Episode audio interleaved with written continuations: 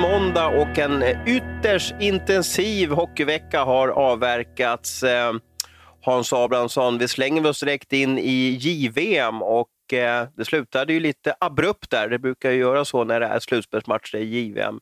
Det blev förlust mot ärkerivalen Finland i kvartsfinalen.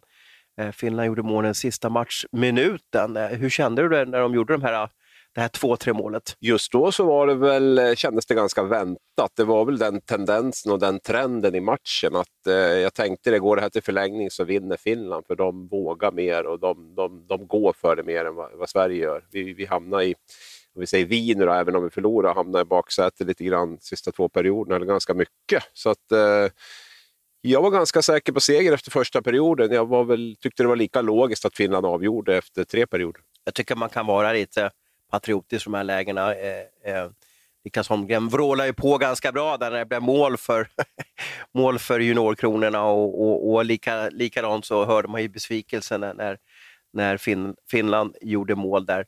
Eh, inför den här kvartsfinalen, om, om vi börjar där, Eh, hur tippade du utgången av den? Vad, hade du liksom, vad, vad, vad sa du utåt till, till svenska folket? Jag hade inte så mycket dialog med svenska folket, men jag, eh, i min eget huvud så tippade jag 60-40 fördel till Sverige. Jag trodde att Sverige skulle klara av Finland.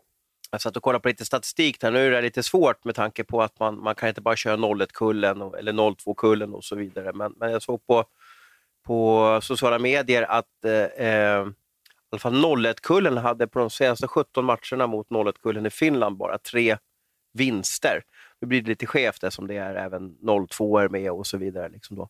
Men, men och ser man på det så var det väl ganska väntat resultat i alla fall. Ja, jag utgår från att Finland har haft en viss Capo Kakko med kanske en hel del av de matcherna också, vilket han inte var den här gången. Um, så att det kan väl också spela in. Sen tycker jag det där är där det är svårt. Men Sverige vann trots allt U18-VM med den här årgången då när 01 var äldst och var bäst i världen då om vi räknar bort Kanada som inte kom med sitt bästa lag. Så jag tycker att eh, det här laget var fullt... Men då, möt, men då mötte vi inte Finland, va? eller hur? Va? Ja, vi mötte Ryssland i finalen. Jag kommer inte ihåg om vi mötte Finland ja, på vägen ja. fram, men vi var i alla fall det bästa laget i turneringen. Så, att, eh, så att, eh, det tycker jag väl ändå talar ganska mycket för. Vi hade ju dessutom ja, våra NHL-spelare, om vi kallar dem för det, då, var ju med. Eh, vi hade alla dem med, som vi normalt sett inte brukar ha. Visserligen ett par återbud på corona på hemmaplan, men, men eh, nej, jag, jag, jag tycker stå fast vid det. Jag tycker att, och även efter jag sett matchen så tycker jag att det är en match som, som Sverige bör, bör vinna men inte klarar av det. Vad hände vid 2-0? Ja, Vad hände vid 2-0? det är en bra fråga. Det, det, är ju uppenbart i alla fall att, att eh, bränslet tar slut på något sätt. Om det är fysiskt eller om det är mentalt, det, det är lite svårare och faktiskt att, eh, att slå fast så här, helt bestämt. Men att det syns ju att eh, energin successivt faller ur. För första perioden är riktigt bra tycker jag, både taktiskt och, och energimässigt och eh, ja, när det gäller individuella prestationer. Alltså den, den eh, skickligheten finns ju där. Så det är någonting. Men samtidigt, vi måste ju också väga in hur såg det ut innan turneringen. Vi satt, Sverige satt tre dagar extra i karantän. Finland kom ut, fick spela träningsmatcher, de andra lagen också. Vi ska inte skylla ifrån oss just i den här matchen, men det är klart att det är svårt att inte gå in på, på, på förutsättningarna som har varit. Det kan ha varit en orsak till att man, att man inte orkar. För på, lite grann så känns det som att efter Rysslandsmatchen, urladdning mot Ryssland, så är det liksom slut på, på, på energi. Och, och, man kan säga mycket om svenska lag, men normalt sett brukar det inte pysa ut på det sättet som, som det gjorde i, redan i sista gruppspelsmatchen och i kvartsfinalen. Så att, eh, ja, antingen så eh, så blev de lite uppätna av de här bristande förberedelserna eller så, ja, också så är det ett, ett större, större, djupare problem. Vi ska kika lite framåt lite, lite senare, JVM, eh, eventuellt ett nytt juniorprogram om vi behöver vara oroliga. Eh, men, men om vi stannar lite med helhetsbilden med JVM så måste vi ändå säga att mer än halva ledarstaben satt kvar hemma i Sverige. Eh, jag vill påstå lite, om jag ska vara kritisk mot Hockeyförbundet, så tyck, tycker jag att det är lite märkligt att, att, eh, att Sverige drabbades, eller om man får säga vi, då, drabbades så hårt av corona jämfört med de andra nationerna. Jag, jag tycker att de kunde ha varit lite mer noggranna, ledarna speciellt, inför turneringen och inte utsatt sig för någon eventuell smitta. Det vill säga liksom kört superkarantän hemma i, i, i, sin lägenhet eller gjort en egen bubbla eller någonting. Det var, jag tror att en rutinerad coach hade behövts i ett slutspel nu eftersom finnarna då eh, kunde vända matchbilden och någonting sker ju här. Jag vet inte om rädslan att förlora blev större än, än viljan att vinna och då, det är ju oftast en, en, ett ledarskap som kliver in där och skapar lugn och ro i, i båset eller omklädningsrummet eller vilket sätt ska man spela hockey? Hur ska man liksom ingjuta mod? Folk brukar alltid säga att Conny Evans, Evansson var så fantastiskt duktig på att, att få sina spelare att våga och vilja och, och, och på något sätt komma ihop sig under, under matchen. Och, och, jag vill ju inte slänga någon skit eller någon, någon större kritik mot den staben som var eh, på JVM. Den, den, var inte så rutinerad, men eh, jag har haft lite tankar på om, om Montén hade stått i båset, hade, hade juniorkronorna vunnit sin Finland. Är du med mig? Ja, jag förstår det till hundra procent och det är ju, jag håller med egentligen om allting du säger. Jag tror också att man underskattade farorna med, med corona. Jag tror inte det är någon tillfällighet att Sverige ensamt egentligen ihop med Tyskland hade de här problemen. Utan jag, jag, jag tror att man hade kunnat gjort väldigt mycket väldigt annorlunda och det är klart att till slut så står vi där med Joel Rönnmark då, som är ex, ja, extremt oprövad egentligen på, på även som assisterande tränare som ska leda det här laget. Som minuterna efter matchen är står och gråter i, i, i kameran. Va? Och, eh, mm. Det säger väl mm. lite grann också om hans känsloläge. Jag ska inte liksom slänga Rönnmark under bussen, men det är klart att har du så nära till de känslorna så kort efter, då, då vet jag inte riktigt om du har ett kallt huvud i båset heller. Va? Och det, det får du ju genom erfarenhet och rutin och, och den biten. Va? Så att, men han, all heder, han tog, han tog ett uppdrag som man kanske egentligen inte ville ha, ville ha haft. Men, men eh, för, för ishockeyförbundet och, och landets bästa så, så tackade han ja. Va? Och, och, och, eh, vi vet ju också att det fanns andra alternativ som var, som var hetare och eh, leda det här laget men som, men som inte fick då med, med Alfred som bland annat. Vi hade Andreas Karlsson som, vi, som var aktuell. Jag vet att Marcus Åkerblom var, var högaktuell och, och, och, och hoppa in istället för Montén men att det, av vissa orsaker inte blev så. Så att, så att Rönnmark var ju inte alls ett, eh, ett eh, huvudalternativ på något sätt. Men, men eh, han gjorde det utifrån det bästa han kunde. Men det är klart att, jag har nämnt det tidigare, att det, det är en ganska tuff nivå där ute. Rickard Grönborg, han hade en, ett silver under sina tre år, sen blev han utan medalj två år i rad. Så att jag menar, det, det, det krävs ganska mycket för att man ska gå hela vägen och där är ju inte minst ledarbiten extremt viktig. Målvaktsvalet, Tycker du att de gjorde rätt? Nej, men det blev väl fel. Det, det, det har väl ältats och, och, och sagt, så jag kan väl hålla med om det som säger att där kändes det på något sätt som det blev fel. Hade man nu bestämt sig för att gå med Alnefelt som etta, vilket jag fick information om att man hade, då hade det känts mycket rimligare att, att, eh, att Wallstedt hade stått mot Österrike och att eh, Alnefelt hade fått de två matcherna. För det blev, det kom i otakt där på något sätt. Och det handlar inte bara om att bästa målvakten alltid ska stå, utan du har en hierarki och en struktur i ett lag också som, som du hela tiden måste ta, ta hänsyn till. Va? Och det, där, där, där hamnar, man, hamnar man lite snett, även om jag inte tycker att det var direkt avgörande mot, mot Finland. Men det blev ju avgörande lite grann mot USA, vilket ledde till att vi mötte Finland i kvartsfinal. Som jag hörde så fick ju Hugo, han blev uttalad etta under turneringen, kanske redan innan turneringen. Eh, men då fick han frågan under turneringen, hur vill du lägga upp det för att vara bra förberedd inför slutspelet? Och då sa han att han ville vila en match på slutet och stå en match. Så det kan ju också vara Hugos val, att så här vill jag ha det för att kunna prestera ett slutspel. Sen, sen blir det ju fel när, när Sverige lite föll ihop i sista gruppspelsmatchen, det vill säga när man ska göra bokslut för, för, för, för gruppspelet och sen gå in i ett slutspel. Då var det en oro. Vad står jag? Vad händer? Vad sker? Backarna kanske inte vet hur mycket de ska täcka och släppa och så vidare. Så att en, en bättre match i sista gruppspelsmatchen mot USA, där det hade kanske gjort en annan trygghet i, i hela laget också. Så, så kan det vara. Men du, diskussionen om Raymond och Holst då, mm. vi har ju, de är ju två superstjärnor som gick i, i, i första rundan högt, högt upp. Um, hur ser du på deras JVM? Ja, men det fanns ju mer önska där, så är det. Eh, sen har jag också... Du ska vara väldigt, väldigt bra om du ska göra rejäla avtryck eh, när vi under ditt näst sista år då, som, som junior. Nu trodde jag att de var så pass bra så att de skulle kunna vara stjärnor i den här turneringen.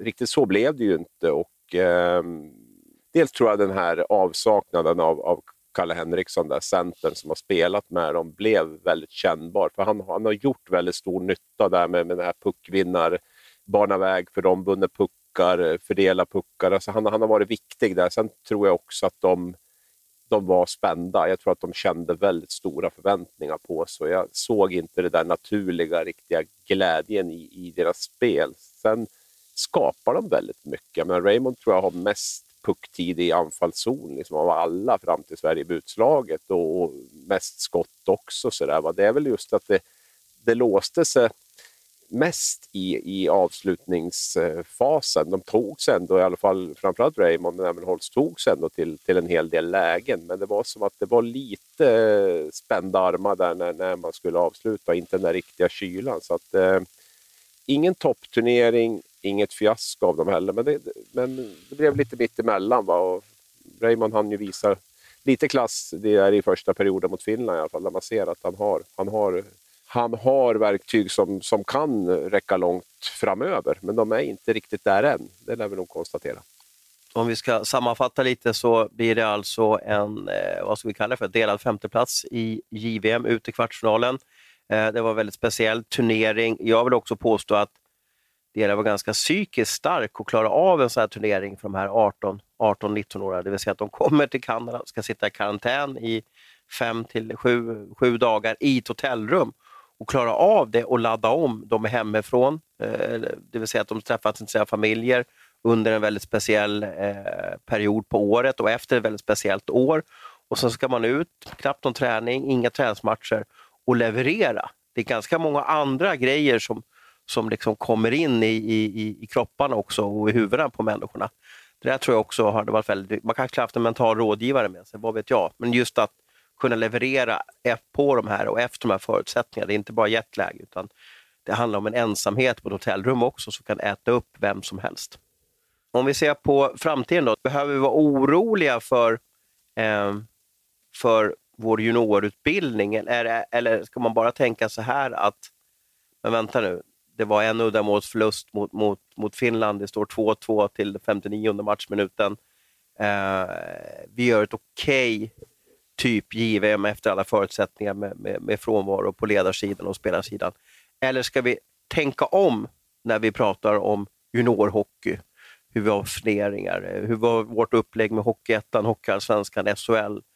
Eh, vad, vad, har du där för, för, eh, för, för vision för vår hockey. Eh, om jag ska dra en liten sammanfattning så var det ju så att det var ju kris för, ja, ska vi säga 20 år sedan. Eh, så hamnade ju Sverige var nära att åka ur A-gruppen och efter det så bestämde man sig för att nej, men nu måste vi ta tag i det här. Och bland annat så var eh, Robban Olsson nu i Djurgården, Tommy Bostedt på förbundet var de som drev det här lite, att ha någon, någon ny inriktning på juniorsatsningen. det här skapade massvis med pärmar och man, man skapade en massa hockeykonsulenter då, som skulle då säkerställa att det blev bra juniorutbildning. Är vi där igen nu, att vi måste tänka om, att vi måste fundera på vad står vi, vad gör vi, vad händer? Jag tror att man alltid måste fundera på vad man står och vad man gör och vad man, vad man ska göra. Vi kan väl inte jämföra hur det var då, då vi var liksom ett mål ifrån att åka ur A-gruppen till till eh, nu då när vi har eh, ändå spelat, vi tog en brons för ett år sedan och eh, den här turneringen är ju svåranalyserad. Så att, men däremot så är det ju otroligt viktigt att hela tiden vara up to date när det gäller utveckling och vad kan vi göra bättre och vad drar vi för lärdomar av det här. Så det, det arbetet hoppas jag och utgår jag från liksom pågår hela tiden. Att det är ett levande dokument med, med juniorutbildning. Att det inte är något man bestämde 2003 och att det fortfarande ligger fast. Utan det här måste ju hela tiden, hela tiden uppdateras och hela tiden måste man jobba stenhårt om man ska hänga med där. Sen har vi väl jag har ju ställt frågan förut, vad, vad, vad, är målet? Då? Är det att vi ska vara som bäst när, vi, när, de, när de spelar JVM eller är det att vi ska tänka längre fram än så? Det, det är också en fråga man måste ställa sig. Hur viktigt är, är ett JVM? Hur viktigt är det att vi är bäst nu och vad, vad, vad säger det om om vi inte vinner JVM, vad säger det om vår talangutveckling på eh, när spelarna blir äldre. Så att säga. Vi är fortfarande den, den nation som efter USA och Kanada producerar överlägset flest spelare till NHL till exempel. Eller är det det viktigaste? Eller är det viktigaste att vi vinner VM-guld med, med herrarna? Eller, alltså, ja, det är ju det där man måste ställa sig. Jag kan ju tycka att ska vi ska vi rikta in verksamheten på att, vi, att de ska vara som bäst när de är 18, 17, 18, 19 år? Mm, jag vet inte om det är helt lyckat heller. Däremot så är det viktigt att man, att man utbildar spelare, spelare bra, men jag tror inte att man, att man ska ha slutmålet när de är, när de är junior. Nej, och det är ju, det är ju helt riktigt. Eh, ska vi liksom få in någon typ av förändring via SHL, att alla lagen måste ha tre juniorer eh, på rosten i varje match? Är det en bra Nej, idé? Nej, men jag tror, inte det, jag tror inte det handlar så mycket om det om jag ska vara helt ärlig. Däremot så är det ju en enorm utmaning. Men det som har hänt de sista sju, åtta, tio åren är att den här individuella skickligheten har ju prioriterats stenhårt och den, har ju också, den är ju viktig, det går inte att komma ifrån. Kan du inte åka skridskor idag så är du mer eller mindre chanslös att, att spela elithockey om du inte kan åka skridskor väldigt, väldigt bra. ska jag säga. Eh, just den här kombinationen tror jag mellan att, för hockey är ju fortfarande, det tycker jag är lite fantastiskt, att det är ju fortfarande ett lagspel där, du, där det finns andra faktorer som är viktiga än just den här individuella skickligheten. Den individuella skickligheten måste ju finnas där, men du måste ju också förstå spelet och du måste göra det tillsammans med varandra för att det är ju det som till slut fäller avgörandet. Och om vi säger så här att vi har väl varit bäst på det andra tidigare, just det här med laget och, och kanske inte haft de skickligaste spelarna, men spelat lite defensivt på den tiden då när vi, när vi, när vi, eh, när vi vann VM-guld med, med, med herrarna där med, med Evensson och Lundmark och, och sådär. Och eh, nu har vi väl kanske till stor del blivit en mera prior högre prioritet på det här individuella skickligheten och där kanske vi har glömt bort lite grann med, med just den här spelförståelsen, eh, förstå helheten och, och även att man eh, gör det tillsammans med ett lag. För jag upplever väl kanske inte riktigt att vi är längst fram i kön när det gäller den biten längre. Så där tror jag man ska lägga mycket fokus, att inse att det krävs väldigt stor individuell skicklighet för att lyckas, men det är fortfarande ett lagspel. Och hög individuell skicklighet eh, eh, skapar ju höga draftval och eh, eh, en gedigen hockeyförståelse eller lagbyggnad vinner ju oftast mästerskap, så kan man väl sammanfatta det lite. Eh, en effekt efter JVM, och jag tycker att det nästan blir samma sak varje år, och det här, gör, det här skapar en klump i magen på mig. Du bevakar ju JVM lite på annat sätt än vad jag, jag gör. Jag ser det lite från sidan och, och, och kommer in lite, lite då och då. Eh, och den här håsen som blir runt JVM innan, under och precis känslorna vid när de har vunnit eller när de har förlorat, eh, tycker jag är unik. Jag, jag, kan inte se någon annan sport där ute där ett juniormästerskap väcker nästan mer känslor än ett seniormästerskap. Är det här sunt tycker du? Nej, om det är så så, så är det väl inte, inte sunt. Och jag, har väl, jag vet inte om jag har blivit lite luttrad som har varit på många sådana här, men jag, jag känner väl, dras väl inte riktigt med i det där. Det är klart att man hoppas att det ska gå bra och att man blir besviken när det inte går bra och sådär. Men, men jag har ju tagit ganska tydlig ställning för att jag, jag, jag, jag, tycker absolut att det är viktigt att man är med och tävlar om när man väl är där. Men jag tycker inte att det är liksom den det är avgörande för hur svensk ishockey fungerar, hur långt vi går i ett JVM. Så därför har jag väl också försökt att avdramatisera det lite grann. Samtidigt så tycker jag när, när man bevakar någonting, om vi lägger energi och krut och tv-kanaler lägger energi och krut på det och, och det finns ett intresse, då kan man ju inte bara sitta där och, och, och laja och säga att det spelar ingen roll hur det här går, det är bara småkillar ändå. Det, det, då, då, då går man väl in och bevakar det seriöst. Ska man då göra en analys av varför det gick som det gick så måste man ju också kunna kunna kritisera och, och, och, ha åsikter. Annars blir det ju väldigt, väldigt konstigt tycker jag. Då, då tycker jag att man måste ta ett beslut och, och inte bevaka det överhuvudtaget. För jag menar, ja, det, det, det, är lite så jag känner. Vi har ju, sen går det väl alltid att diskutera balansen i det där, hur, hur hårt man ska, man ska dra saker och, och hänga ut enskilda spelare och så. Det, det kan jag hålla med om, men det är ju, det är ju en svår gränsdragning det där. Vi har två eh, olika mediebolag, SVT och Eh, Eh, Viasat som, som sänder JVM och de tävlar med fantastiskt duktiga studios, eh, gedigna körscheman och så vidare om att vara bäst på JVM.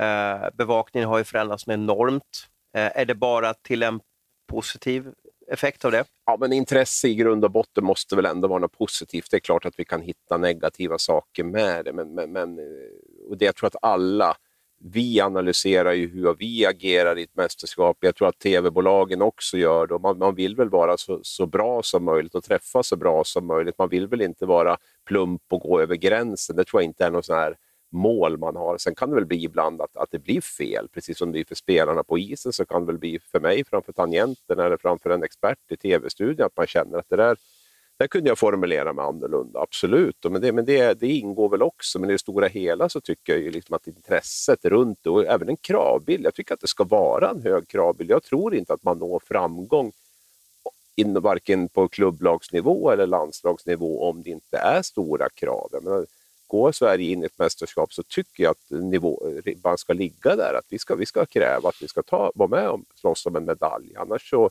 så är vi inte nöjda, för annars tror jag också att det blir väldigt eh, urvattnat om jag ska vara helt ärlig.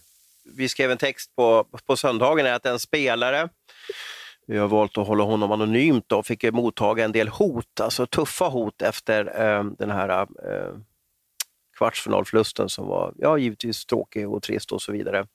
Är det bara en människas illdåd som det här är eller ser du en trend där ute att, att det blir för tufft mot eh, de här idrottsmännen som håller på på en hög nivå? Ja, det är väl bara att titta på våra sociala medier och i våra mejlkorgar och allting så, så, så kan man väl tänka sig att det är ännu tuffare för, för de här spelarna och det har man väl känt en, mer än en gång att eh, man nästan vill lämna den här sociala medievärlden ibland för man tycker att nivån är så pass eh, låg. Så att eh, det, det, är väl ingenting som förvånar mig egentligen i det, utan det, det, är ju så verkligheten ser ut idag. Nu tror jag väl att ändå att vi inom idrottsvärlden har det en lite, läge, alltså lite lindrigare ändå när man, när man ser det här som är med i den här allmänna samhällsdebatten och, och tyckare på ledarsidor och sånt här så, så blir man ju lite, lite mörkrädd alltså när man, man läser. Så att jag, jag, nej, jag, är inte, jag är inte ett dugg förvånad utan det är ju, det är ju så det är och jag, mitt råd till alla spelare under en sån här turnering är väl att försöka nästan slå av sociala medier eh, om man nu eh, vill, eh, vill undvika den här typen av, av grejer för att eh, det är ju den verkligheten som är. Och vi ska avrunda vårt JVM-paket med något positivt. Nämn en spelare som du har blivit enormt överraskad över och någon som du tycker att ja, men den här killen har en extremt ljus hockeyframtid och det är väldigt roligt att få se honom på, på den här på, det var väldigt roligt att se honom under den här JVM-turneringen. Mm. Vill att jag skulle säga Elmer Söderblom nu va? Ja, men det var ju min favorit mm. i alla fall. Men du kanske hittar någon annan men som alltså det, det är, ju, är skicklig i positionsspelet ja, i egen zon. Nej, men gör två sådana mål och det, det, är, ju, det är ju häftigt. Och, eh, han, han har ju tagit, definitivt visat att han har en nivå till i sitt, sitt spel. Han har ju stora delar av hösten förstörd på en fotskada här. Men, men eh, det, det, är ju en, en intressant spelare, det, det, kan jag bara hålla med om. Sen är väl Jesper Wallstedt kan ju bli den svensk, första svenska målvakten som, som blir draftetta i, eller som draftas i första rundan menar jag, i, i en NHL-draft. där finns det ju något spännande också, har ett år kvar. Så att, eh, där, där, där har du väl två spelare som, som jag tycker har, eh, har visat fram sig. Det är mycket, när du pratar om fotsko, fotskada på Elmer så är det mycket fot också. Storlek 50 i skridskorna, det är ganska häftigt.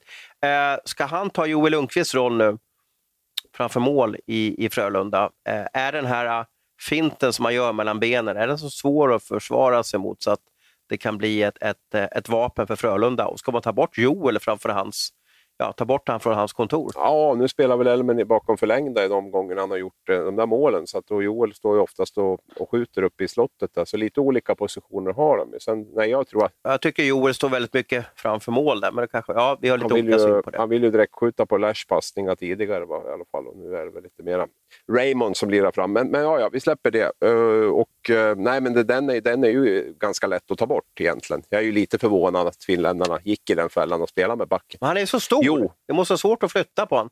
Eller du menar att passningen ska gå fram? Ja, men det eller? bygger ju på att backen kliver upp för, för, för, långt. Står han närmare, närmare ner mot sin egen målvakt så är det ju, är det ju stängt där. Va? Nu är det ju helt öppet i och med att backen lockas upp mot, mot Raymond i det här fallet. Va? Den, den, finns ingen större anledning tycker jag att gå upp så långt på, på Raymond där heller som, är en, eh, som har klubban egentligen i fel vinkel då, ner mot, mot förlängda mållinjen. Så att jag, jag tror att den blir, blir tuff att få till i, i SHL faktiskt om jag ska vara helt ärlig. För att eh, dels har de koll på den nu och eh, tror att de kommer att agera helt annorlunda där. Men det är klart, någon... Han har en väldig, räck, han har en väldig räckvidd också. Alltså han, han, när han trycker ut rumpan där, om pucken väl går fram till honom så kommer han skapa en målchans av det här läget. Sen gäller det ju, alltså seniorbackar kommer ju kunna trycka bort honom på ett annat sätt också. De kommer ju se till att, att han för det första kanske inte får pucken, men sen andra också, får han pucken, då kan han räkna med ganska hård tackling. Och då har han väldigt svårt att, samtidigt som han får det här äh, smällen på sig, att kunna utföra den där mellan benen-dragningen. Det, det, det, blir enormt svårt för honom. Ja, men kul! Och jag hoppas att han får, du vet Frölunda och HV nu, det, kommer, det öser in spelare nu. Uh, så det blir intressant att se hur de kommer, hur de kommer må också. De är ju också jetlaggade. Man brukar ju prata att det tar en dag per, per timme som tiden har blivit förskjuten. Och det innebär att de kanske liksom inte helt... Grynigheten är borta. Det kanske dröjer, ja, dröjer en vecka så är den borta. Ja, det var om JVM. SHL pågår ju, Hockeyallsvenskan pågår och Hockeyettan för den delen också och SDHL. Eh, och det som är fascinerande med alla fall Hockeyallsvenskan och, och SHL, det är att det är sjukt mycket matcher. Spelschemat fram till Beijer Hockey Games, som för övrigt är flyttat från Stockholm ner till Malmö eh, 2021, är enormt. Alltså det är matcher varje dag och eh, det är ju otroligt roligt för oss som bevakar hockey att det, eh, du får aldrig någon lugn och ro, utan varje kväll är det nya händelser och, och nya saker som sker. Eh, en punkt som jag ville prata om, som jag tog upp, eh, eller ville ta upp i alla fall, är att jag tycker att vi ser ett litet regimskifte i SHL. Jag ser lag som Rögle, Örebro, Växjö har visserligen vunnit SM-guld, eh, dominerar, kanske tillsammans med, med Frölunda. Och Luleå vet vi inte riktigt vad vi har hittills den här säsongen. Varför tror du att det har blivit så här och håller du med mig? Ja, men alltså tittar man på tabellen nu så ligger ju Rögle, Växjö och Örebro högt upp, så det, det är ju inget snack om, om att eh, du har ju din supertabell där med poängsnitt. Hur ser den ut? Har du den framför dig? Eller hur, hur, eh? Alltid ta fram den. Frölunda är, lite ja. stolt, Frölunda är lite stolt över att de leder serien, säger ja. de och så vidare. Men då blir det ja, ju, nej, men vi, man ger ju det lite med, med glimten i ögat. Rögle etta på 2,1 i poängsnitt, Frölunda tvåa på 2 och Luleå 3 1,9, Växjö 4 1,8, Örebro 5 1,8. Så etta, fyra, femma ligger de i alla fall då, enligt snitttabellen. Rögle-Växjö. Nej, men jag, jag, tror att, jag tror till stor del att det handlar om ganska mycket om enskilda personer, om jag ska vara helt ärlig, i de, i de föreningarna. Eh, ganska få. Plus att man inte har något tungt sånt här traditionsbagage med en massa människor som säger att det var bättre förr och vi har alltid gjort så här och så ska vi göra nu också. Utan man, man har kunnat börja från ganska så här blankt papper ingenting har varit bättre förr utan allting kan egentligen bara bli, bli bättre i, Växjö och Örebro och till viss del också Rögle, även om det finns en annan tradition där. Och Rögle har väl också varit lite bakbundna på ett sätt av att man har haft en liten mentalitet att man är väldigt duktiga där och kan väldigt mycket fast man har gjort väldigt lite resultat. Den, eh, den mentaliteten har väl bröderna Abbott sopat undan ganska rejält där och Eh, visat att eh, man måste jobba jäkligt hårt för det innan man kan börja snacka om att man är bra. Och eh, det har man gjort nu och, nu är man bra också. Så att, Växjö också, går svårt att komma ifrån Henrik Evertsson där ändå. Eh, säkert fått en del kritik senaste åren här, men, men på det sättet han har byggt upp Växjö där ihop med Sam Hallam, skulle jag vilja säga, som blev en fullträffrekrytering när man, när man plockade honom från Karlskoga där. Eh, de två tycker jag har betytt väldigt mycket för, för Växjö. Eh, Abbott står i Rögle som jag var inne på. Örebro jag står fast vid det. Tränarstaben där blev väldigt, väldigt lyckad. Jag har väl haft lite delade meningar om sportchefen Niklas Johanssons rekryteringsarbete där genom åren. Jag tycker att även han har eh, lyckats bättre på senare år.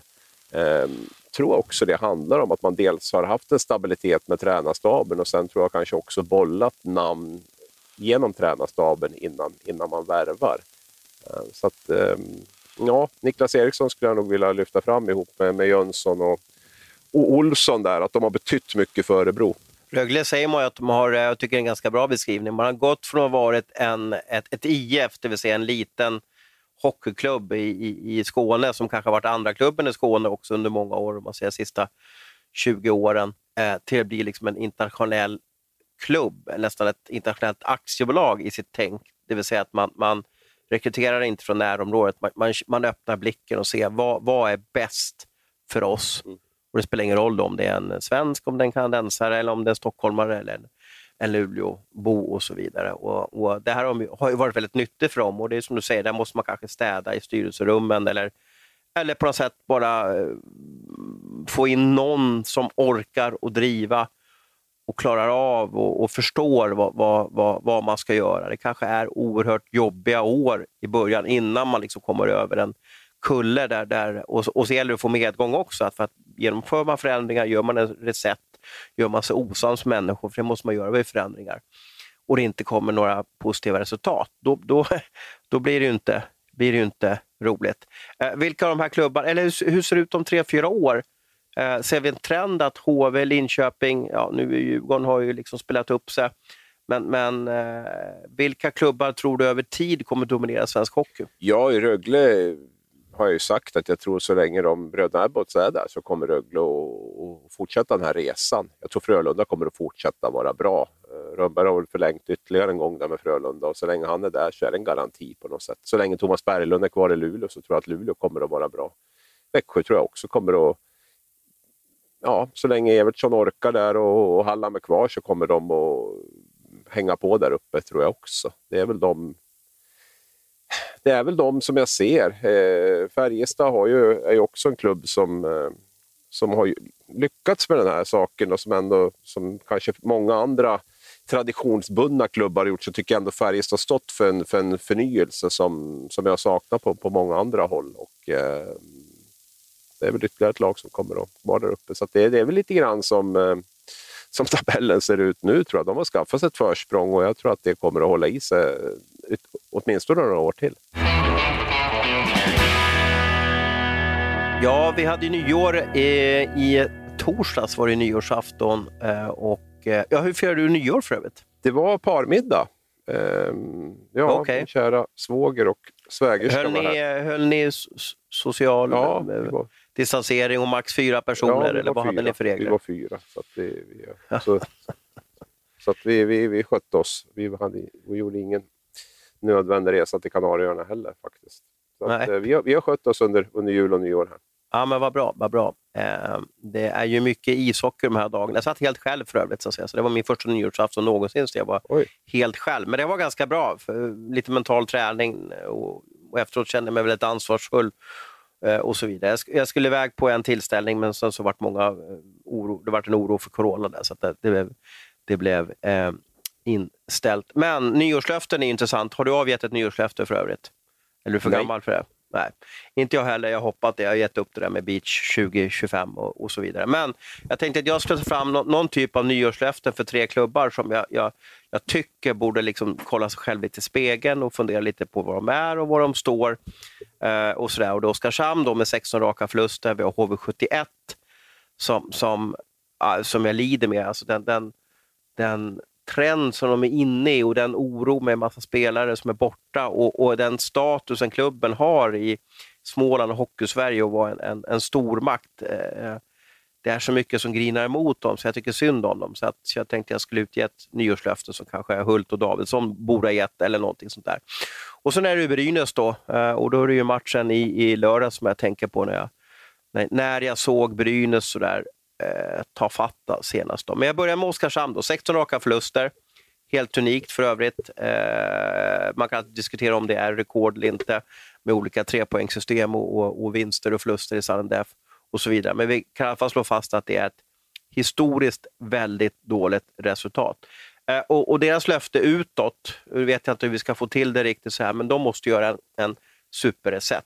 Eh, de får dra coronakortet, ta ner det tio dagar, men de måste tänka om helt och hållet. Träna ner sig, prata ihop sig.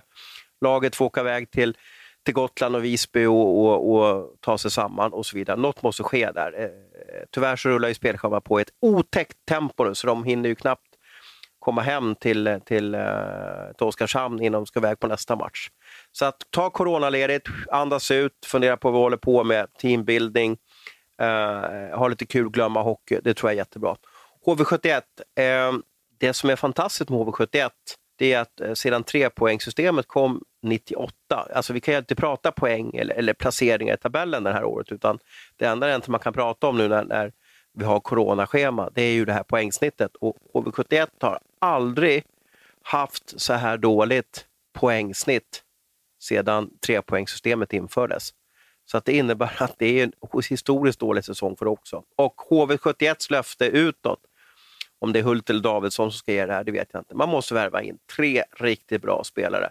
För några år sedan när det var trubbel i HV71 så värvade man in Campoli, Rajala, Christensen och fick till en förändring, en, en förbättring och så vidare i, i, i serien. Så att, eh, jag tror att man måste gå all in. Jag vet att det är tufft nu på spelarbranschen om man har tagit in Ryan Stoa.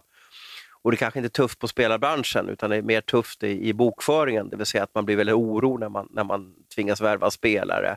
Och om det är många spelare nu som, som ska värvas till, till Ryssland, till Schweiz, till, till Tyskland och, och så vidare nu inför transferstoppet 15 februari så kanske spelarpriserna stiger och då, och då så spräcker man budgeten. Men jag tror HV71 får faktiskt strunta i det. Man måste ha in frisk blod och väldigt duktiga hockeyspelare i den här truppen, annars kommer inte de lösa den här säsongen.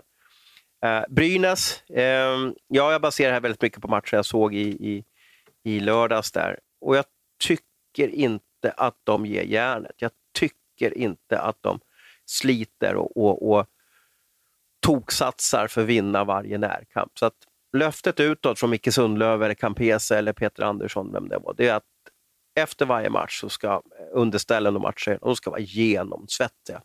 De ska lova sina fans att ja, vi gav järnet i alla fall. Annars så kommer de få en väldigt tuff period. De har ju en väldigt tuff period också med spelschemat. Men, men om vi stannar lite vid Brynäs, då. du var ju på den här matchen. Hur, hur såg mm. du på den? Var, var, var, var, det bara att Brynäs hade vunnit några matcher på slutet och så kom, var det härdsmälta på hemmaplan och Leksand gjorde en bra match? Eller, eller, eller vad tycker du?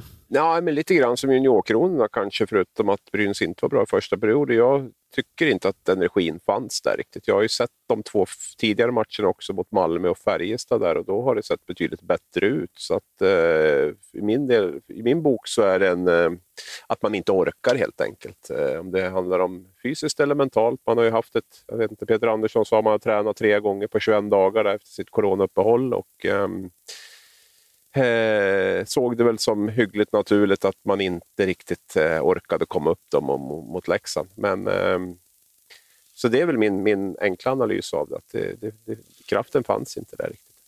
Vilka två lag tror du hamnar i kval?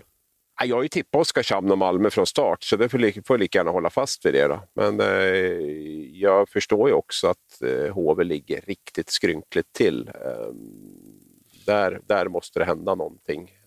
För att så här kan det inte fortsätta där, för då tror jag att de inte riktigt fixar det. Nej, nej. de har väl sämst, i din poängtabell, där, jag vet inte om du tog bort den, så har de, de har, har de sämst poängsnitt nu i, i, eh, i SHL?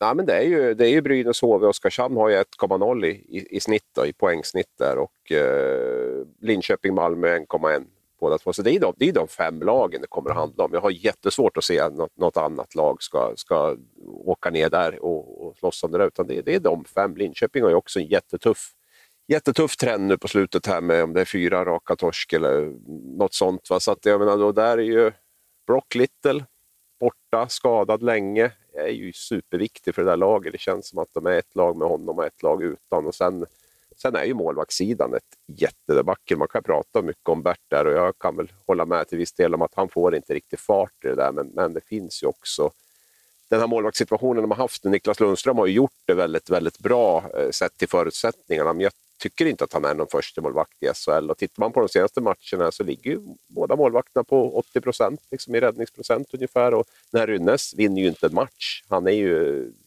det vart ju en tokfel rekrytering på, på en målvakt man hade tänkt att får de in en som är bättre än monstret nu så kan ju Linköping verkligen lyfta och så får man in en som, ja jag vet inte, så han, han, eh, de vinner inte med honom. Så Nej, jag var på hans första match där och då valde de att spara honom några matcher och sen så tror jag att han släppte in typ tre mål på första tio minuterna. Så den starten han fick på sin svenska karriär var också ja, hemsk det kommer att bli, det kommer att bli dyrbart för dem. Men han har spelat i sju matcher nu och, och fortfarande inte, inte vunnit någon match. Så att, eh, så att det, eller han har väl varit med och vunnit, vunnit någon kanske, ska jag säga. nu ska jag inte blanda ihop det. Men, men han har inte varit bra i alla fall, Rynnes.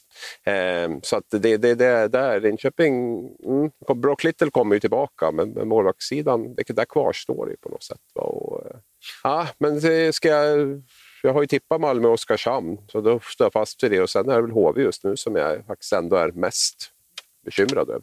Mm. Sen har vi också en eh, annorlunda förutsättning. Om det. Jag vet om att du inte vill förändra ditt tips och, eh, och sådär och det finns väldigt många andra som ändrar tips varje vecka. Men den här säsongen också, förutsättningarna förändras ju så enormt som vi aldrig varit med om. Alltså, hade du förutspått att Brynäs ska spela så här många matcher under kommande 45 dagarna, eh, så det är klart man måste fundera på att, alltså, att det blir ju en säsong som, som, utan, som är unik och utan dess lika och då måste man kanske också behöva tänka om ibland. Oskarshamn i min bok eh, tror jag är körda. Alltså jag, jag tror att, ja, eh, på pappret så kanske de har sämsta laget också av de här som vi, vi nämner och, och, den här trenden de är inne i är, är, är, är bisarr. Nu kommer den ta slut förr eller senare. Den kan inte fortsätta. Men överlag så, så tror jag att Eh, de får tufft att undvika en eh, plats 13 eller 14. Sen, sen så eh, så vet det 17 hur det blir med, med Brynäs där, om de faller tillbaka och, och hamnar i en konstigt läge igen. Så jag, jag ser Oskarshamn och Brynäs där igen i en kvalmatch. Då. Men du, eh, senaste veckan här, om vi pratar om SHL nu, eh, du drog över en, en skärmdump till mig. Då. Eh, det värvas in ganska friskt då. Jag blev lite fascinerad över, över Växjö som trycker in Christian Folin som har spelat tio säsonger i Nordamerika i lite olika eh, ligor och sen så eh, värvade man in Brendan Gauns, eller Gauns. Hur tror du att han uttalar sitt namn? Ja, men jag tyckte att båda innan var klockrena. Ja. Nej, jag är dålig på uttal, så vi ja, kör på den. Jag drog faktiskt eh, hans namn till, till två, två NHL-scouter kan vi säga och jag fick två olika svar från, från, från dem. Då, så att, eh, ja, vi kan väl säga att båda är rätt där. Det, det är ganska två intressanta värvningar. Eh, Gons eller Gauns har ju 100 matcher i, i eh, Nordamerika, en eh, för detta eh, gick i första rundan i draften och sen värvade ju Växjö Calof tidigare här. Visst är det så här att den här säsongen, liksom, jag, jag tror nu att nästan man stänger bokföringsböckerna och man, man, man, man måste bara köra. Man, man, får, man får bara hoppas att det liksom inte går rakt åt helvete den här säsongen.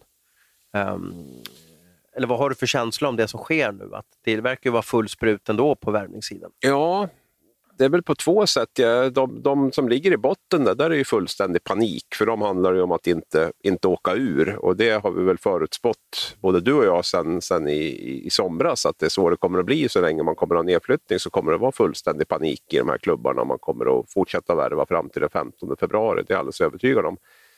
Sen har vi väl de här klubbarna som ligger på säker mark men som, som ändå förstärker. Det är väl, eh, jag vet inte riktigt alltså för att det är svårt att se att det ska vara någon ekonomi i slutspelet och vinna guld det här året om jag ska vara ärlig. För jag, tror du att det blir publik? Nej, det är, nej, nej, nej, nej. Nej, någon typ av publik menar jag. Så det, jag, jag har så svårt nej. att se att det ska bli så därför är jag lite förvånad kanske att man lastar in. Men det är klart, det, ja, man ser det som att det är viktigt att vinna och sen kan man väl alltid jag satt och funderade på, gör de här tre värvningarna du, du nämner, men samtidigt är det ju också upp till varje klubb lite grann. Jag menar de här tre kanske inte kostar mer än vad Brynäs i princip betalar för Magnus Sundqvist som man, som man sparkade förra säsongen och som har betalt även det här året. Så att alla, man använder ju sina pengar på olika sätt på något sätt. Så, att, så att det är klart att det, det finns ju... Då fast det sticker utåt mot supportrar. utrymme. Jo, det sticker utåt så. mot andra lags supportrar. Eh, sponsorer kanske ställer frågor. Vad är det här för något? Eh, vi får inte komma in i våra loger, men ni värvar spelare. Inte bättre än att betala tillbaka logepengarna. Och sen har du ju även en diskussion om, jag vet inte exakt, jag, jag jag tror mig ha hört i alla fall att Växjö har gjort en typ av eh, sänkning vad gäller ersättning till sin, till sin mm. spelartrupp. Och då blir det också speciellt läge om, om jag, får gå, om jag går, tvingas efterskänka eller donera bort 10% av mina lön och så värvar man in tre spelare under säsongen. Visserligen kan man luta sig mot att eh, ena Davidsson eller, eh, eller Davidsson-centern där valde att lämna. Eh, och att man sparar pengar kanske på det. Men, men det är klart att det kanske sticker när man ligger så bra till i tabellen också. Men vänta nu, vi är inne i en bra trend. Varför ska, vi, varför ska vi ta in tre nya spelare under säsongen? Sen kan man prata, dra det här, dra det här Peter Andersson-kortet och, och, mm, och, och, så vidare. Va? Men, men, mm. men eh, alla lag får ju skador under säsong också. Och jag vet inte, det, det kanske man ska bygga upp en trupp inför säsongen för att klara av att det blir någon skada då och då. Ja, ska jag vara rent ärlig och krass, jag tror faktiskt att Henrik Evertsson skiter lite grann i det om jag ska vara helt ärlig. Jag tror att spelarna får i alla fall ut 90 procent av sin lön och han tänker nog så att eh, passar inte så, så får ni väl göra någonting annat då i så fall. Jag tror, jag tror, att, eh, jag tror att det är väldigt mycket klubbarnas marknad nu och jag tror att eh, spelarna på något sätt har liksom förlikat sig med att eh, vi får ändå ut ganska stor del av lön trots att vi spelar en hel säsong utan publik. Så att jag, jag tror inte att det, jag tror inte man tar så stor, jättestor hänsyn till det om jag ska vara helt ärlig. Och jag, för honom handlar det nog om att, att, bygga ett lag som kan, som kan vinna guld. Jag tror att det är väldigt viktigt. Och jag tror att också att han känner att de har chansen nu om, om man prickar rätt på de här sista pusselbitarna. Så att, eh, det tror jag är den stora anledningen till att de, de gör det. Sen är det ju som du säger, Calof är täckt av Davidsson, den här Folin är täckt av Peter Andersson som de inte betalar någon försäkring på längre, eller någon sjukpeng på längre. Och sen har vi då han som du uttalade namnet så fint på där. Brandon som, som lite extra. Då. Ja, kanske man har haft pengar undanstoppat för att kunna göra en värvning under, under säsongen. Det är inte direkt ovanligt med, med Växjö att man, att man gör det. Mm. Jag fick en liten rapport på honom här. Eh, lång center som var ganska mjuk, eller är mjuk och trög på skridskorna. Hur funkar det i SHL tror du? Ja, det är rent spontant så, så, så låter det ju inte kanske toppen bra, men... men eh... Evertsson brukar dra, kan dra in ja. en del superspelare, vet du. de har bra, ja, ganska bra koll där. Ja, sen är det skillnad på NHL och SHL också. att man inte duger i NHL riktigt kanske kan ändå funka i SHL. Vi får väl, vi får väl avvakta och se. Det man ska ha klart för sig nu, och som jag tror att många... Det, det tar tid att spela igång de här spelarna också. Jag menar, eh, Stoa har ju inte varit superbra i, i, i, eh, i HV. Billings och Harper såg ju inte jättemorska ut nu senast mot Leksand här. Eh, och, och, så vidare. och så vidare. Alltså det, det, är inte någon sån här quick fix att bara stoppa in de här och så bara tokleverera dem. För att de, de, de är väldigt, de har kanske inte spelat på, på tio månader nästan, va? Sen, sen i mars många av de här och inte tränat riktigt heller. Så det är ju det, det, tar ju tid och det är ju fördelen om man är toppklubb att då har man ju kanske tid att, att vänta in de här, att de är som bäst i slutspelet. Eh, ett lag som HV eller, eller Brynäs eller Linköping har ju liksom inte, eller Oskarshamn har ju inte riktigt den tiden att, att eh, de får spela sig i form de här, utan de vill ju helst att de ska komma in och leverera direkt. Ja, de, de spelarna är väl nog väldigt få till antalet. Då får man kika på någon, någon, som levererar i Schweiz, eller Tyskland eller, eller KHL. Men en spelare som levererar där byter ju inte lag heller. Det vill säga att han, han... Nej, men plockar du in en spelare under normal säsong i december eller januari så har de ju i de allra flesta fall spelat i något annat lag tidigare. Det som är unikt i år är att de flesta har ju bara gått och väntat och knappt fått träna överhuvudtaget. Så det är ju det är ju väldigt speciellt. Det är ju väldigt ovanligt att man plockar in spelare som har haft ett tio månader långt uppehåll Eh, om det inte är en väldigt speciell spelare. Nu kommer det AHL-spelare som, som inte har tränat eller spelat på, på, på, på tio månader. Va? Och det, det är ju inte bara jättelätt att starta igång de här killarna. Det är helt sant också. Jag tror att vi får en galen värvningsmånad nu fram till den 15 februari. För övrigt måste jag berätta, och det är väl en liten nyhet, eller hur man ska se det, att Sverige har ju valt att ligga kvar som 15 februari som sista datum som in eh, och ut. Europa kommer gå till, till eh, första mars, då ligger ett förslag eh, på grund av ja, att många serier kom igång så sent. Då, så att då skjuter man upp det här. Men SHL har pratat om det här, eller Svenska Hockeyförbundet också, om det elitkommittén där, att de kommer ligga kvar eh, med stor säkerhet om det inte förändras den 15 februari. Ut har jag förstått att man kan skicka bort spelare efter det fram till första mars. Det vill säga om, Tjelabinsk vill värva eh, Mark Rivik från Leksand så kan han lämna den 29 februari. Eh, om nu det är möjligt med, med kontrakt och så vidare. Och om det är väldigt troligt heller låter jag vara, låter vara osagt. Då. Men, men eh, in till SHL, Hockeyallsvenskan, så ska det vara stopp midnatt 15 februari bra eller inte om det. Nu vart det så någon utläggning där. Var var jag på väg i frågeställningen någonstans? Ja, om det skulle bli tokvärvningar tror jag. Ja, ja om, det blir en, om, det blir ett sil, om det blir ett silverrace nu kommande månaden eller vad, ja, som det oftast brukar vara. Nu brukar det oftast vara ett, ett större tryck kanske i januari, sen sista, sista dygnet när, när du och jag brukar sätta oss ner i tv-studion där och ska bevaka, när vi ska bevaka deadline day och så brukar det inte hända någonting på flera timmar där. Men vad, vad, vad, tror vi kan förvänta oss som supporter och hockeyälskare kommande månaden? Nu ska väl AHL igång och spela, om jag förstått det rätt. Det senaste jag läste här så ska väl de igång i februari. Det lär väl innebära att det inte riktigt blir lika mycket spelare tillgängliga. Ehm, vilket gör att det kanske inte riktigt blir det trycket det hade blivit annars. Men jag, jag, jag är övertygad om att det kommer att, att, att droppa in värvningar hela tiden fram till, till 14 eller 15 februari här. Och nu har väl visserligen då Brynäs, Oskarshamn och även Malmö har ju plockat in en par, tre spelare här redan nu, då, ganska tunga namn. Så att de sitter, blir inga skador där så kanske de ligger lite lågt. Men du har ju fortfarande Linköping, du har HV, du har något lag till, du har topplagen som kanske vill vara med och kämpa om guldet. Så att det, jag, jag tror att det kommer fortsätta ramla in spelare. Mm, spännande. Det är lite roligt när det är, när namn som kommer in det som du säger också, att det blir en väldigt stor förskjutning. Först ska de liksom träna sig i form, sen har de här sju eller tio arbetsdagarna innan man får eh, eh grönt kort från immigrationsmyndigheten. Eh, de ska flyga över, som, som har gått från att ha varit världens enklaste grej, det vill säga åka ut till flygplatsen i Vancouver eller, eller, eller Ottawa eller vad det ska vara någonstans och så bara komma till Sverige. Nu är det inte alls lika lika, eh, lika lätt att, att förflytta sig över världen på grund av den pandemi som råder. Och sen så har det gått tio dagar. Menar, då kan ju laget ha förlorat fyra matcher till, eller vunnit fyra matcher till.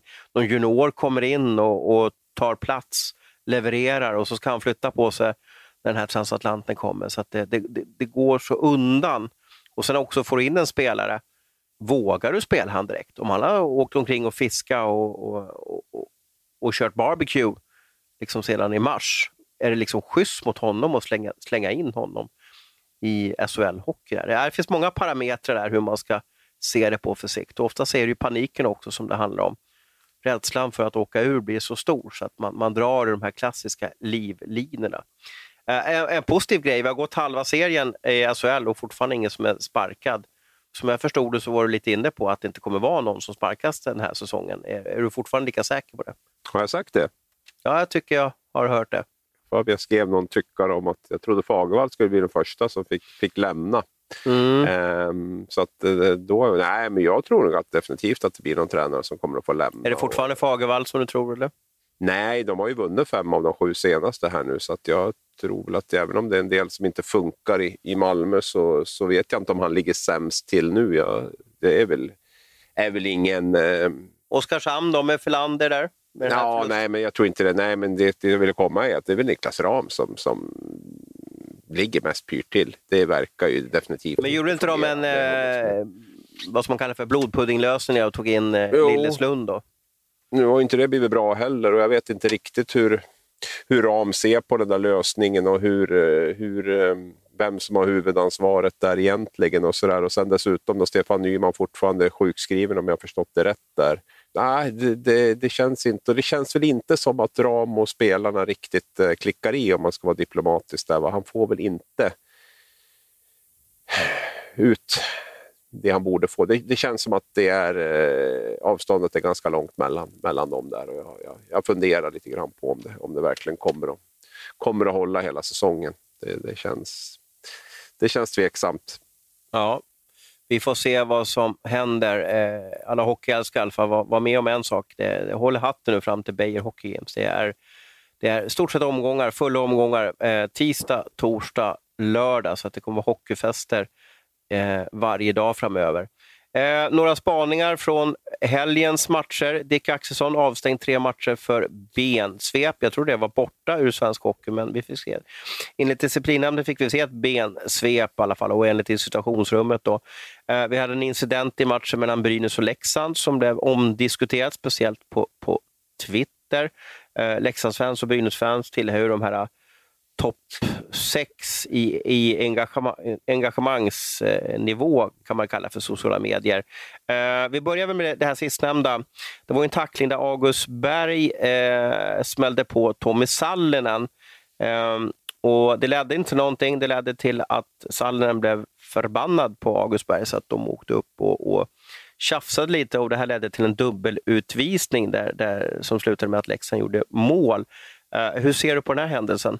Jag, jag, jag, jag, var ju inte på, eller jag var ju på plats, jag satt inte i tv-studion och, och, fick med mig alla, eller satt och tittade på tv rättare sagt. Jag förstår att engagemanget var stort där. Eh, jag, tycker väl, jag tycker väl att de gjorde en ganska bra bedömning att inte gå vidare med den i alla fall. Det, det, det, tycker jag. Sen kan man väl alltid... Det som man kan ha synpunkter på är väl att Sallinen får två plus två i hela den situationen sett och att Berg får, får två minuter. Och det kan jag förstå att man, man, man reagerar på, men nu missar ju domarna den här första. Jag tycker inte den är speciellt våldsam. Jag menar, Berg, det är ett powerplay. Jag tror inte hans liksom, medvetet går in för att, för att, för att köra på någon i huvudet när, när Leksand har ett powerplay. Han skär ju in på bortre blå, vilket är ganska väldigt vanligt att man gör för att kunna hjälpa till på, på, på pucksidan sen när de går in i zon där. Så att, så att, jag, jag, tycker den liksom är, jag tycker den är svår att säga att det ska vara en anmälan och en avstängning på det. Jag, jag tycker inte det faktiskt. Jag, den, den, han, han, gör en smart kan man väl säga, då, men, men, samtidigt så tror jag också att hans mål är verkligen att, att skära parallellt längs blålinjen där och att Sallinen kommer, kommer lite grann i vägen. Där. Så den, eh, Sen den här skallningsdebatten här tycker jag är fullständigt... Alltså det, det, har ju, det har ju spårat fullständigt med det här. Jag menar, om två spelare nuddar med varandra med visiret och börjar snacka om att det ska vara skallning och långa avstängningar, jag tycker då får man ju titta på mycket andra händelser som är betydligt farligare än det där. Det är ju bara löjligt liksom att hålla på med, med det där, tycker jag. Eh, jag kan till och med tycka att om man krockar, ja, krockar till den andra med hjälmen, jag menar skaderisken på det när det är så pass löst, det är, det är ju obefintligt och jag tycker att det blir, når löjliga proportioner faktiskt över den. Så att ja, absolut, med, med lite bollkänsla från domarna lite, så hade man definitivt kunnat kvittat de utvisningarna, det, det tycker jag. Men i övrigt så tycker jag att det var rätt att inte och inte gå vidare med en anmälan. När du tog upp August Berg så sa jag att ja, han har blivit lite fenomen eh, och då, hängde, då tyckte du inte, eller du förstod inte vad jag menar riktigt och det, det är kanske inte lätt att förstå vad jag menar alltid. Men han har ju blivit en, en kelgris bland Leksandsfansen. Uh, och Det är ju många anledningar till det. Uh, det som jag tycker är väldigt häftigt med honom det är ju att han, han berör i varje match han är ute på isen. Det händer saker i varje byte och han, han är som Dr. Jekyll och Mr. Hyde på något sätt. Det här är ju liksom en, en lugn och liksom, eh, lite profillös personlighet. Sådär. Men på isen så är det ju som att det, det är som någon sådär Peter Forsberg, strömbrytare, som slår på. Han blir ju en, en, han blir, ja, jag vet inte om man ska säga galen, men han blir väldigt engagerad och intresserad av att vinna precis varje närkamp. Och det är det jag tycker att det här behöver vi i svensk hockey. Eh, nu kommer väl han missa kommande match här på grund av att han utgick skadad från, från Järvedala-derbyt där, så han fick ju sitt straff. Då. Men ja, vi behöver ju sånt här i, i svensk hockey. Vi behöver ju spelare som berör. Man saknar ju lite Kinnamin faktiskt, måste jag säga. På att det, det fanns alltid någonting att skriva om och, och, och han sa alltid vad han tyckte och tänkte. Och, och ja, eh, motståndarsupportrarna, när det väl fick vara supportrar på, på en arena, de, de älskade ju att bua åt honom också. Ja, Jo, nej, jag, jag har väl liksom inte... Jag har ju sett August Berg som en väldigt så här, energistark spelare som, som inte minst avgjorde när Leksand gick upp och så. Men, men jag har ju inte, liksom, eh, jag har inte förstått riktigt att han har blivit en vågdelare i svensk hockey. Det var ju kanske inte bara du som skrev det, utan det var väl, jag läste det någon annanstans också, att det här, är, det här är ju en sån kontroversiell spelare och det har jag väl liksom inte riktigt hunnit fått med än. Om att han är någon sån här Kinnamin light, det har jag inte riktigt. Men, men eh, jag gillar ju hans energi och han spelade, han blir tillsagd att spela och han gör det med, med 100 procent. Ja, det var väl bra att det blev lite lite um, hetta i den matchen där också. Då. Och nu klarar sig Sallinen bra också utan, utan att bli skadad där. Då. Så att då var det väl, var det väl positivt så. Då. Nej, men det är väl, det är väl kanske, säger väl kanske mer om vilken låg nivå det ligger på då med, med, med, med den typen av spelare när, när vi står och faller lite grann med, med August Berg då, när det gäller känslobiten. När en sjunde back i SHL kan, kan hoppa in som ersättningsforward och och bli det som vi tar upp i en podd. Skaka om, ja, skaka, ja, skaka om hela SHL. Sin, ja, skaka om hockey Sverige. bli en vågdelare där på något sätt. Liksom, antingen älskar man eller hatar man August Berg. Ja, ja, ja. På men, men håll lite koll på honom. Alltså det, det händer saker. Han retade upp Jocke Lindström här i, i matchen innan nyår precis också.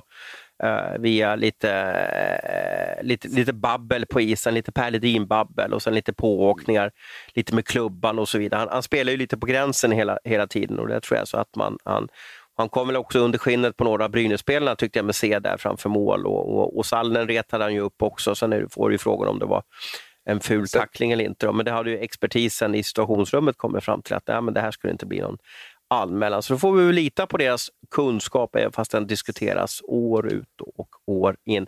Dick Axelsson då, avstängd tre matcher. Rätt eller fel? Nej, jag tycker det är mycket. Alltså.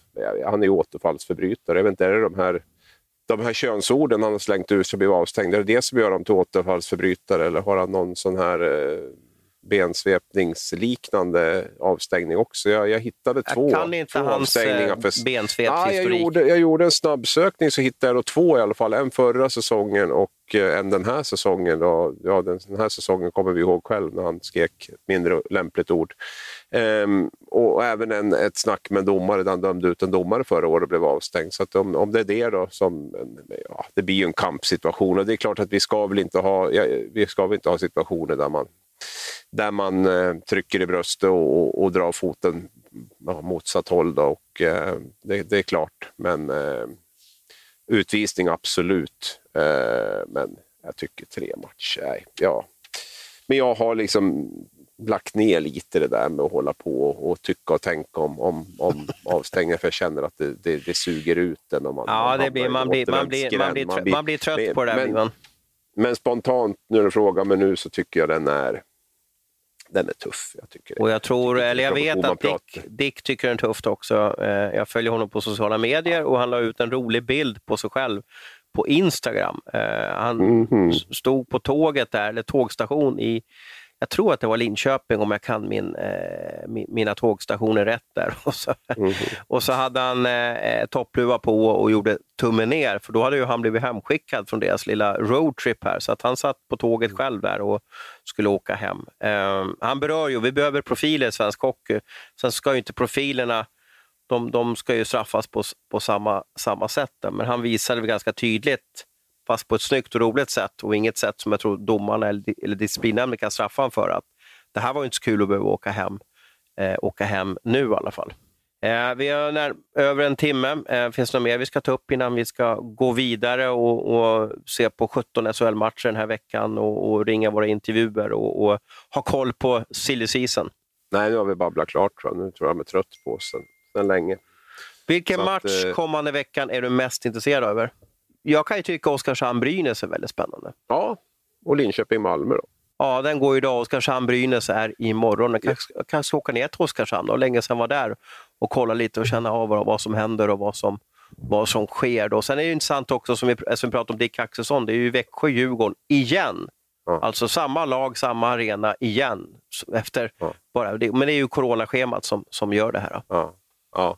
Nej, och, jag, jag, jag, får man egentligen inte säga, men jag tycker det är så jäkla tråkigt att inte publiken är på plats. Jag saknar er som tusan, ni ska veta det. Även en eh, jobbande reporter går igång av att det är eh, folk på plats. Men eh, nu ska vi inte älta det. Det var ju onödigt att jag kom in på det nu på slutet här spridde lite negativ energi. Det ska inte jag göra. Utan det är kul att det är mycket hockey nu framöver och att vi får se många matcher och många spännande matcher och många fina individuella prestationer. Mm, mm. Tack för idag Hans och eh, ha en riktigt bra hockeyvecka nu allihopa som har lyssnat på oss.